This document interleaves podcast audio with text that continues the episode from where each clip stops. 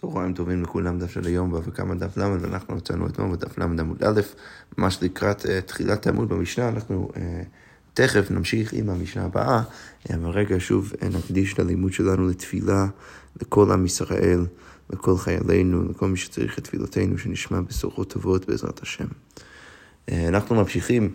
אה, עם המשנה הבאה, עם המשניות ש, שככה דנות אה, בשאלה מה קורה כשבן אדם שם דברים ברשות הרבים ואיזה אחריות יש לו. אז המשנה אומר ככה, שופך מים ברשות הרבים, בן אדם שופך מים לתוך רשות הרבים והוזק בו האחר, ודרך זה שהוא שפך את המים, עכשיו מישהו אחר מקבל נזק מהמים שהוא שפך לשם, חייב בנזקו, הוא צריך לשלם על הנזק שהוא עשה.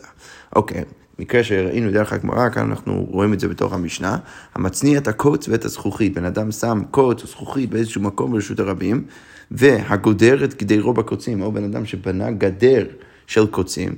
וגד, וגדר שנפל לרשות הרבים, או גדר שנפל לרשות הרבים, בדרך כלל הגדר הוא, הוא עשוי מאבן, אז לכן כאן יש א' כל מקרה חדשני שבו בן אדם בונה את הגדר שלו מלכתחילה מקוצים. או לחילופין, שהוא לא בונה את זה מקוצים, אבל זה, זה באמת מנוי מאבן, אבל זה נופל, זה נשבר ונופל לתוך רשות הרבים. אם בכל אחד מהמקרים האלו הוזכו בהן האחרים, חייב בנזקן, גם שם אנחנו נגיד שבעל הגדר באמת, או בעל הזכוכית, בעל, בעל הקוצים, אז הוא יהיה באמת אה, חייב בהנזק. אוקיי, עכשיו, אתם אולי אה, תזכרו את זה, והגמרא גם תשאל על זה, אבל כאן אנחנו מקבלים בפתיחת הגמרא מימרה אה, מאוד מקבילה ודומה למימרה שכבר ראינו בשמו של רב על משנה אחרת. אז כאן רב בא ואומר, רב, זה שאמרנו במשנה שהשופך מים ברשות הרבים והוא זרק בין האחר חייב בנזקו, אז רב בא ואומר, לא שנו אלא דניטנפו כליו במים. זה נהיה נכון רק עם הבגדים שלו. אה, נהיה מטונפים ומלוכלכים דרך המים, אז בעצם הנזק הנזק הוא, אה, הוא דווקא בכלים. אבל הוא עצמו, אבל הוא, הגוף שלו עצמו מקבל נזק, בוא נגיד שהוא נחלק במים והוא נפל, אז שם אנחנו נגיד שהמזיק פטור, למה? כי מה באמת עשה כאן את הנזק? אולי בגלל המים הוא נפל, אבל קרקע עולם הזיקתו, אז בסוף זה הקרקע עולם, זה הקרקע שעשה את הנזק, ולכן זה לא בעיה. כמו מדמה לרב הונא לרב, רב הונא בא ואומר לרב, אבל לא יהא אלא כרפשו. אבל זה צריך להיות לפחות כמו הרפש שלו, מה זה רפש? רפש זה הטיט המלוכלך בקרקעית, בקרקעית האדמה, שהוא בסוף ערבוב של כל האפר וה, וה, וה, וה, וה, וה, והלכלוך שהיה שם על הקרקע, והמים שלו, זה הופך להיות מין בוץ כזה, ולכן... כשהוא נופל, הוא נופל לתוך זה, אז בסוף זה כן קשור להמזיק, והמזיק צריך להיות חייב. אז כמו אתה, מסבר דלא תמו מאיה, מה אתה רוצה להגיד שרב מבין בתוך המשנה שמדובר במקרה שהמים עוד שם, אתה יכול לראות את המים שנמצאים בתוך, בתוך, ה, בתוך הקרקע, ברור שלא. בדיוק מים, מדובר במקרה שהמים כבר, כבר נבלעו לתוך הקרקע עד הסוף, ולכן אתה לא, כבר לא רואה את, את, את המים, ולכן כשהוא נופל והקרקע עושה לו נזק, אז באמת הוא צריך להיות פטור. רק בגלל שאם זה מלכלך לו את הבגדים, אז הלכלוך קורה עדיין בצורה יותר רצינית על ידי המים, אז רק בגלל זה אני מחייב על, על הבגדים, אבל על הגוף עצמו זה לא באמת קשור למים ולכן הוא יהיה פתור.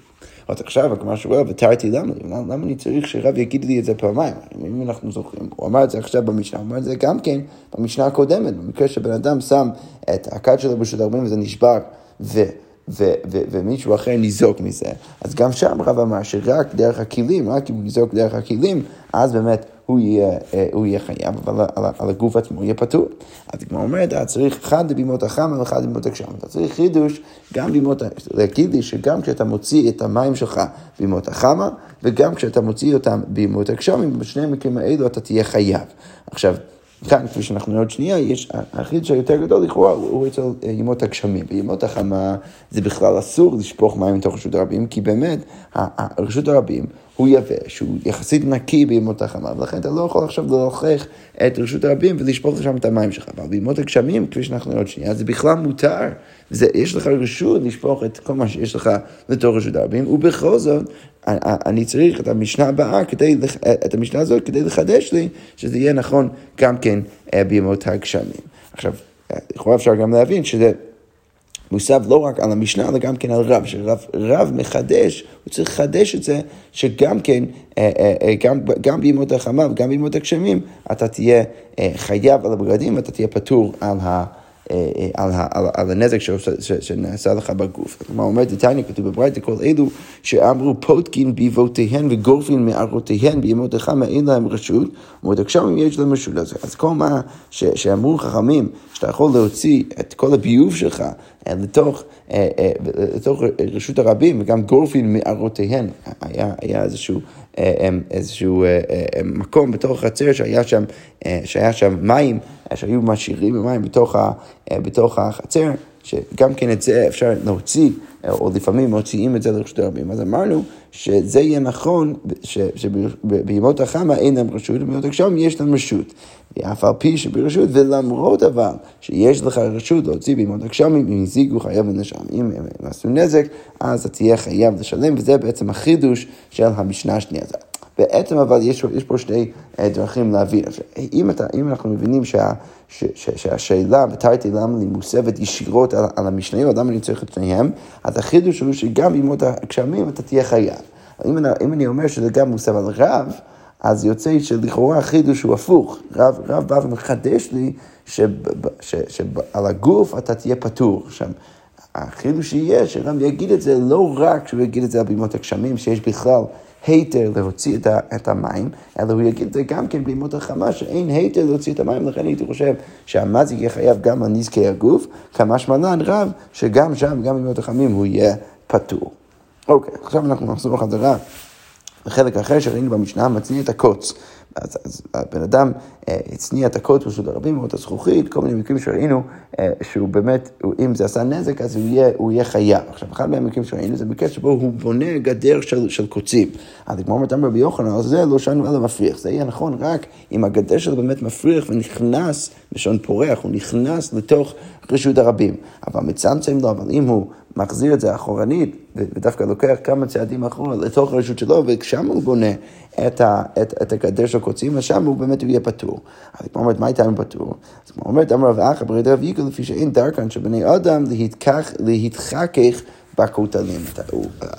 הבעל הגדר לא צריך להניח, לא צריך לקחת בחשבון ולחשוש לאנשים, לזה שאנשים עכשיו יבואו לכותל שלו ויתכחכו את, את הגוף שלהם על, על גבי הכותל. ומזה, ש, שלזה הוא לא צריך לחשוש, והוא גם כן לקח צעד אחורה פנים לתוך רשות שלו, אז ברור שהוא צריך להיות פטור. אוקיי, זה כמו אומרת לנו רבנו כתוב בברייתא, מצניע קוצותיו וזכוכיותיו לתוך כותל של חברו, הוא בא בעל הכותל וסתר כותלו ונפל לרשות הרב והזיקו חייו ומצניע.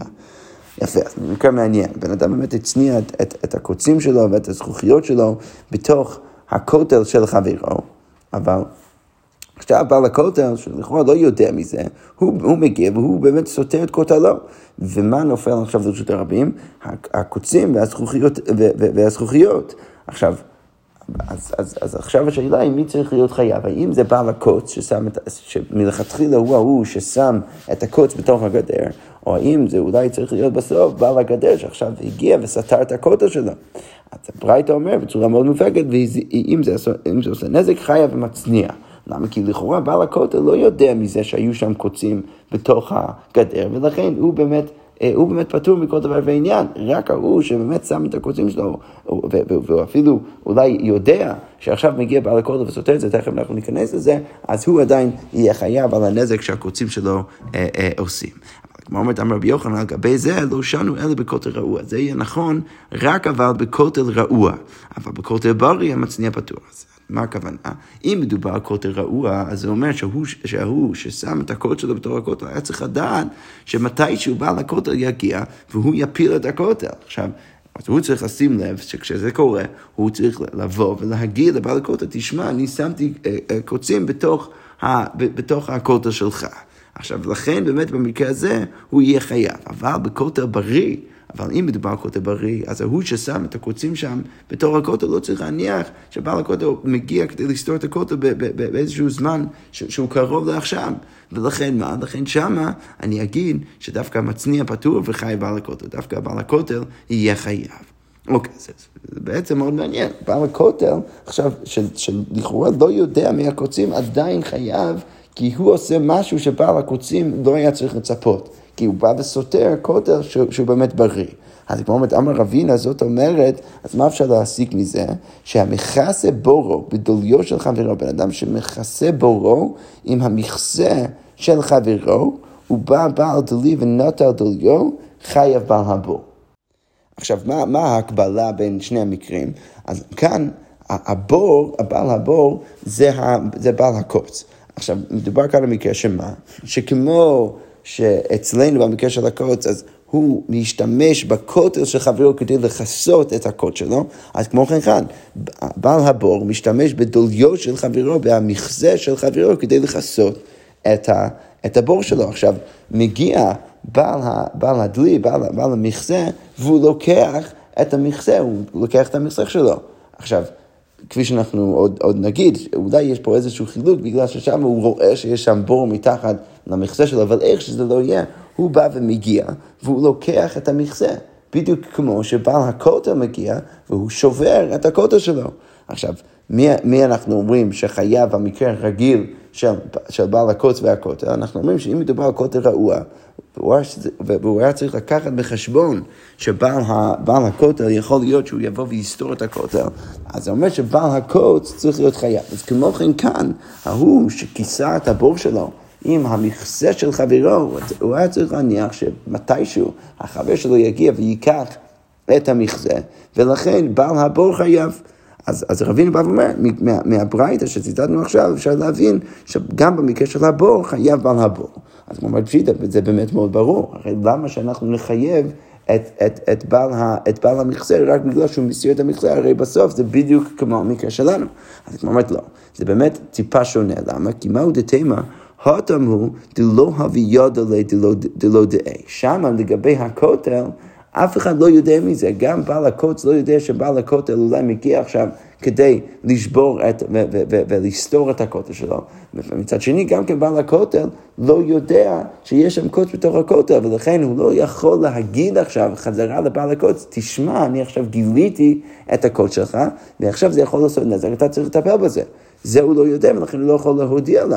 אבל הכה, אבל לגבי המקרה של הבור, דיון עליה, הרי בעל המכסה יודע מהבור שמתחת למכסה שלו, הוא רואה את זה עכשיו כשהוא מסיר את המכסה, ולכן הווה לילה אודוי. ולכן הייתי חושב שהוא צריך עכשיו להודיע לבעל הבור שהוא עכשיו הסיר את המכסה. זה שהוא לא הודיע לו וזה, וזה עשה נזק, אז אולי הוא צריך להיות חייב. כמה שמענן שגם במקרה הזה אנחנו מחייבים את בעל הבור ולא את בעל המכסה. אוקיי. אם כבר אנחנו מדברים על קוצים ואיפה אנשים שמים את הקוצים שלהם, אז הגמרא מצטטת עכשיו את הברייתא בתנו רבנן, כתוב בברייתא, חסידים הראשונים היו מצניעים קוצותיהם וזכוכיותיהם בתוך שדותיהם, היו שמים את זה בתוך השדות ומעמיקים שלושה טווחים כדי שלא יעכב עם החרישה. אז באמת היו שמים את זה טיפה עמוק לתוך הקרקע כדי שזה לא יעכב את כל הכלים, את המחרישה בתוך השדה, אבל שם היו שמים. וזה בעצם כל אחד מחפש מקום לשים שהוא לא יעשה נזק. אוקיי, רב ששת, שדיל הוא בנורו, הוא היה שם את זה באש כדי לשרוף את זה. רב שדיל הוא בדיגלת, הוא שם את זה בנהר דיגלת. והגמרא אומרת, אמר רב יהודה, האי מאן דבעי למהוי חסידא, בן אדם שרוצה להיות חסיד, לקיים מילי דנזיקין. אז הוא צריך לקיים מילי דנזיקין, ולכאורה בהקשר שלנו, הוא צריך גם כן אה, אה, אה, לשים את הקוצים שלו במקום, במקום בטוח, בדיוק כמו שהחסידים הראשונים היו עושים, כמו שמוזכר בברייתא. ורבא אמר מילי דאבות, הם צריכים להתעסק במילי דאבות, במסכת אבות, ואמרי לה מילי דברכות. יפה, אז זה ככה סוגר את הסוגיה על משנה הזאת, ועכשיו אנחנו נמשיך למשנה הבאה, משנה אומר ככה. המוציא את תבנה וקש על רשות הרבים לזבולים. אז בן אדם שם תבן וקש לתוך רשות הרבים, כדי שזה יהפוך להיות זבל, והוא זק בוהם אחר, ומישהו אחר מקבל עבור זה, או, או מקבל מזה נזק, חייב בנזקו. אז הוא ששם את זה ברשות הרבים, חייב בנזק, ולא רק שאנחנו מקבלים את דין הנזיקין, אלא גם כן כל הקודם בהם זוכר, כל מי שרוצה לבוא עכשיו לקחת את התבן ואת הקש של ההוא ששם את זה ברשות הרבים, יכול לבוא ולקחת. רבן שמעון גמליאל אומר, כל מקרקעין הרבים והזיקו חייב לשלם, אז זה בעצם איזשהו כלל גורף. לכל מה שאנחנו דנ, דנים עד עכשיו, שבן אדם שם משהו שיכול לקלקל ולעשות נזק בשביל וזה באמת עושה נזק, אז הוא חייב לשלם, וכל הקודם בהם זכר, וכמו כן, כל הקודם בהם זכר, אנחנו נראה אה, איזה פער יש אולי בין רבן שמעון גמליאל ותנא קמא.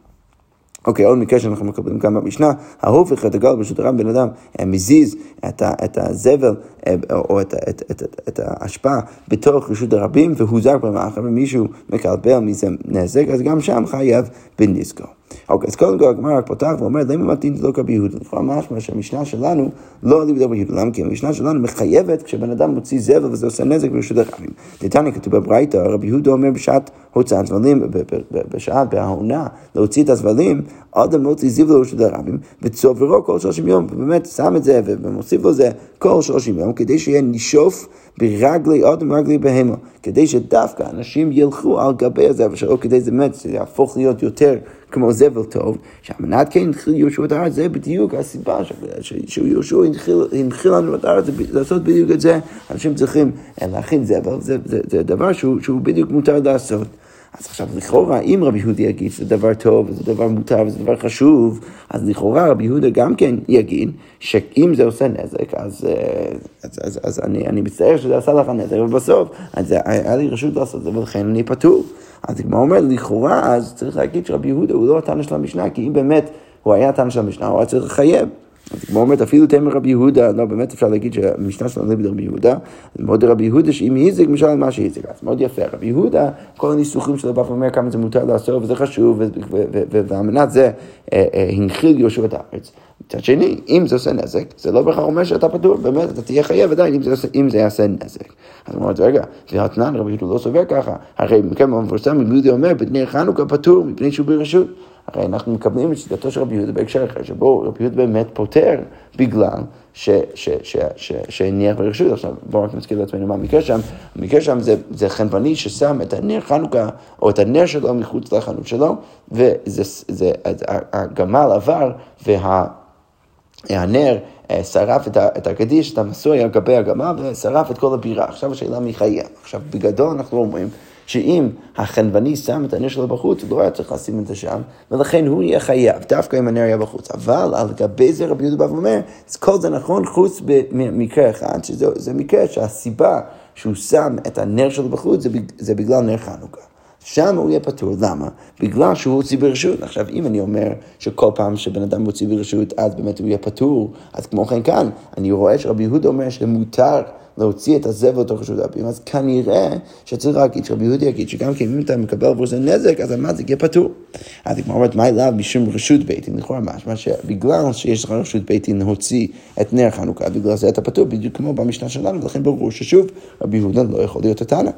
אז היא אומרת, לא, זה לא נכון. שם, לגבי נר חנוכה, למה אתה פטור? לא בגלל רשות בייס דין, אלא בגלל, כמו אומרת, לא משום רשות מצווה. זה בגלל רשות מצווה, דתניא כתוב בברייתא, יהודה אומר, בנר חנוכה פטור, ויודע שרשות מצווה. בסדר. אם אתה עושה את זה ברשות מצווה, אז באמת אתה בטוח. אבל אם זה סתם בגלל רשות בית דין, יש לך רשות להוציא את, ה, את הזבל שלך לרשות הרבים כדי להכין את זה באמת להיות כמו זבל טוב, באמת במקרה הזה, למרות שיש לך רשות בית דין, עדיין אנחנו יכולים להגיד שאתה, שאתה חייב, ושוב, עדיין אפשר להגיד שאולי רבי יהודה כן ואכן התנא של המשנה שלנו. כמו אומרת אבל רגע, תשמע בוא ננסה להביא ראייה מברייתא, כתוב בברייתא, כל אלו שאמרו מותר לקלקל ברשות הרבים, כל מה שאנחנו אומרים שמותר לקלקל ברשות הרבים, למרות שמותר לך לעשות את זה, אם הזיקו חייבים לשלם, אם באמת הם עשו נזק אז חייבים לשלם, ורבי יהודה פוטר, הרי כתוב כאן במפורש בברייתא שעל גבי רבי יהודה פוטר, לכאורה באמת צריך להגיד שרבי יהודה לא התנא של המשנה. אז כמו אומרת, לא עדיין אפשר להציע שרבי יהודה הוא התנא של המשנה, מה אפשר להגיד? אמר רב נחמן, מתניתין שלא בשעת הוצאת זבל. המשנה שלנו מדברת על מקרה.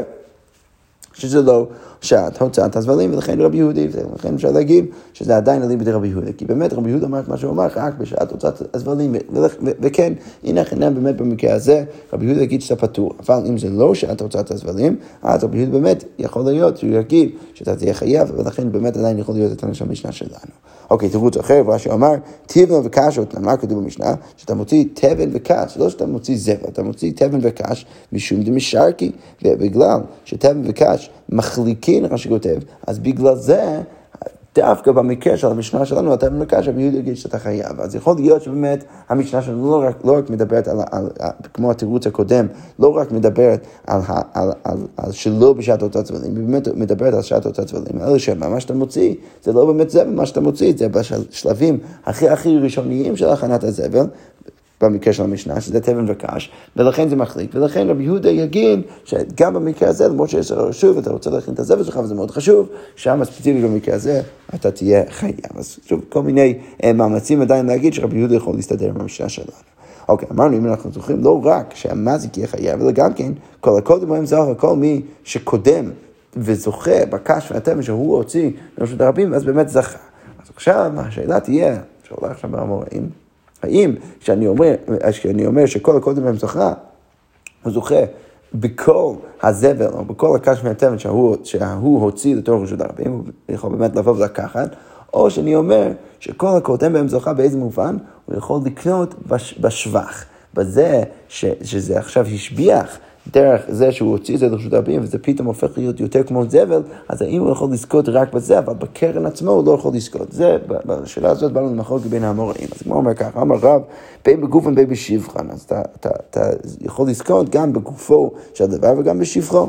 וזעירי אמר בשבחן, אבל לא בגופן. אז כמו אומרת, מה כמה מפלגים, נקודת המחלוקת ביניהם. אז כמו אומרת, רב סבר, כנסו גופה משום שבחן.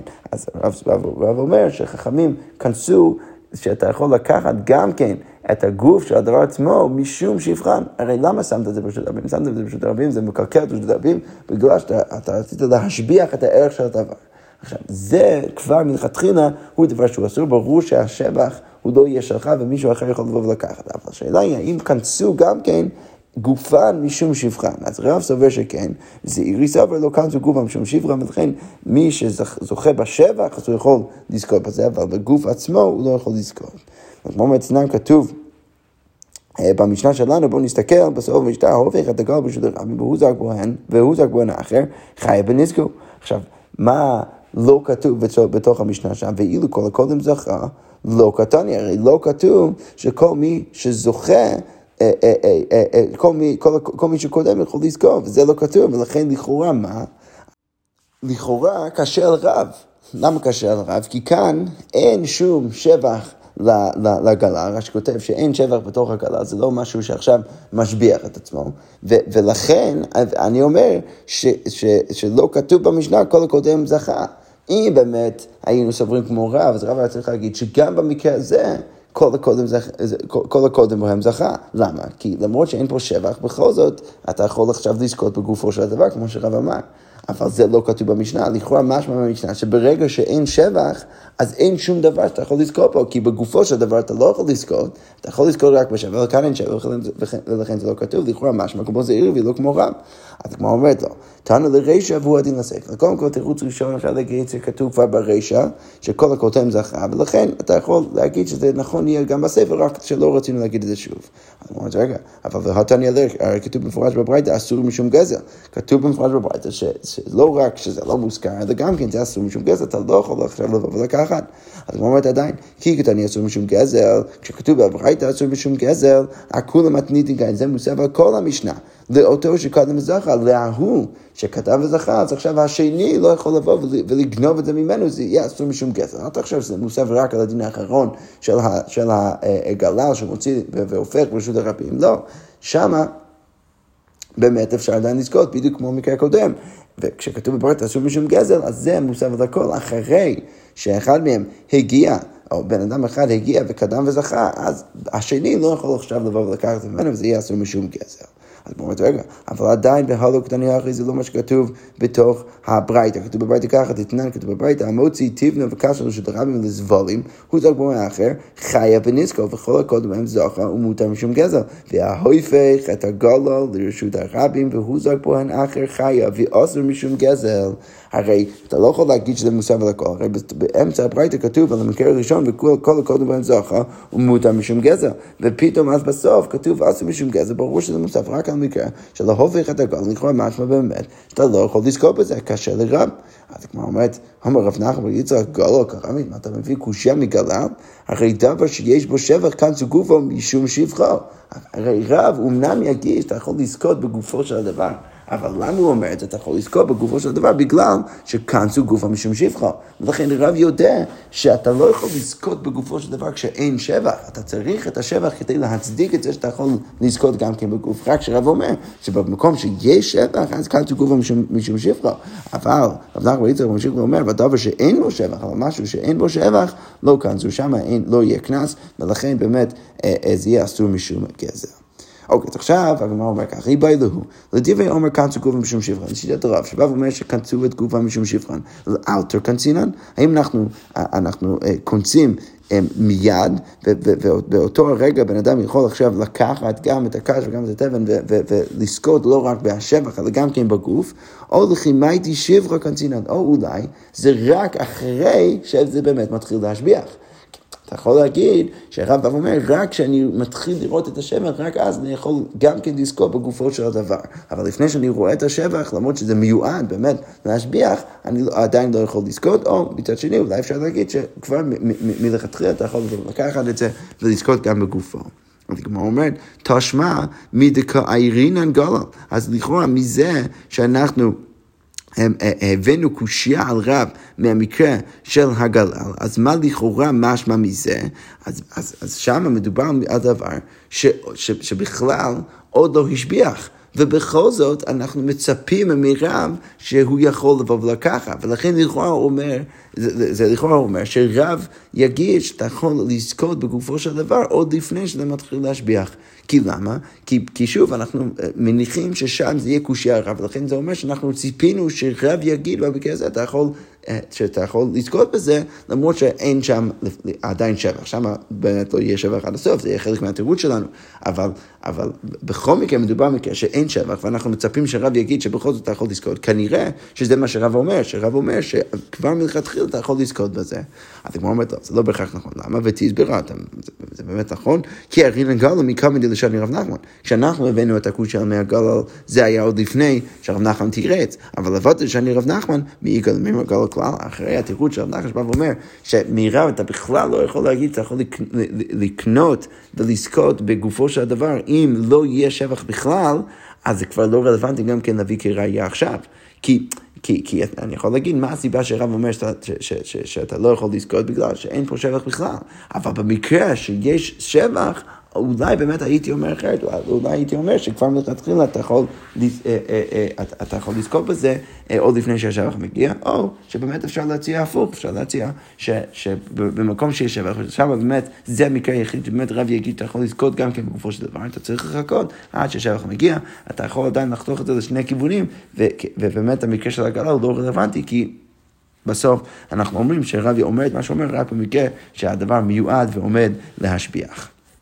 אוקיי, אז עכשיו הוא אומר, לכאורה, המחלוקת בין זעירי ורב הוא תלוי, אה, היא תלויה במחלוקת תנאים. אז הוא אומר, למה כתנאי? לכאורה משמע שהמחלוקת ביניהם זה בדיוק מחלוקת תנאים בברייתא הבאה. כתוב בברייתא ככה, שטר שכתוב בו ריבית. מה קורה? בן אדם אה, מלווה כסף למישהו אחר, והוא כותב בשטר שהלווה רחמנא ליצן צריך לשלם לו חזרה לא רק את הקרן, אלא גם כן ריבית, כמובן אה, אסור מאוד גדול, איסור מאוד גדול, אה, אבל זה מה שכתוב בתוך השטר, שטר שכתוב בו ריבית, אז עכשיו השאלה, איך קונסים את המלווה? אז השיטה הראשונה, קונסים אותו, ואין הוא גובה לא את הקרן ולא את הריבית.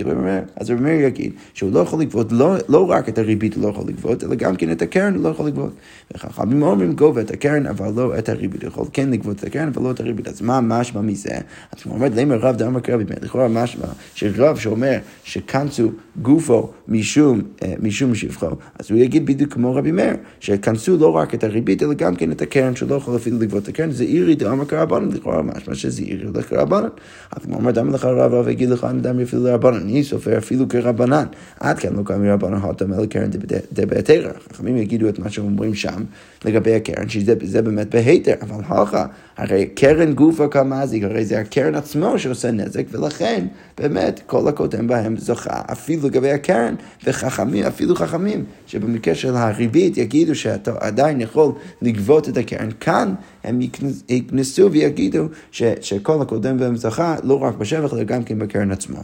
וזעירי אמר לך, זעירי יגיד לך נדם אפילו לרבי מאיר, אני מסכים אפילו לרבי מאיר, כי עד כאן לא כאמר רבי מאיר התם אלא דמשעת כתיבה דאבלי סומא, שכבר מלכתחילה בשעת הכתיבה הוא כבר שם על גבי הלווה את, את האחריות של הריבית, ולכן שמה אני גם כן כונס לגבי הקרן. אבל ביים את המעסיק, אבל שמה אבל אצלנו מישהו סתם שם משהו בצורך רשות הרבים, ומי אומר שזה באמת יעשה נזק? זה לא שמלכתחילה יש עם זה בעיה בוודאות, זה יכול אולי להזיק, אבל אתה לא יודע בהכרח שזה הולך להזיק, ולכן אולי רבי מאיר יודע, למרות שהוא אומר שבמקרה של הריבית, המלווה לא יכול לגבות אפילו את הקרן והוא כונס גם לגבי הקרן, אולי כאן, במקרה שלנו, רבי מאיר יודע שכשאנחנו אומרים כל הקודם במזוכה, זה יהיה נכון רק לגבי השבח ולא לגבי גופו של הדבר.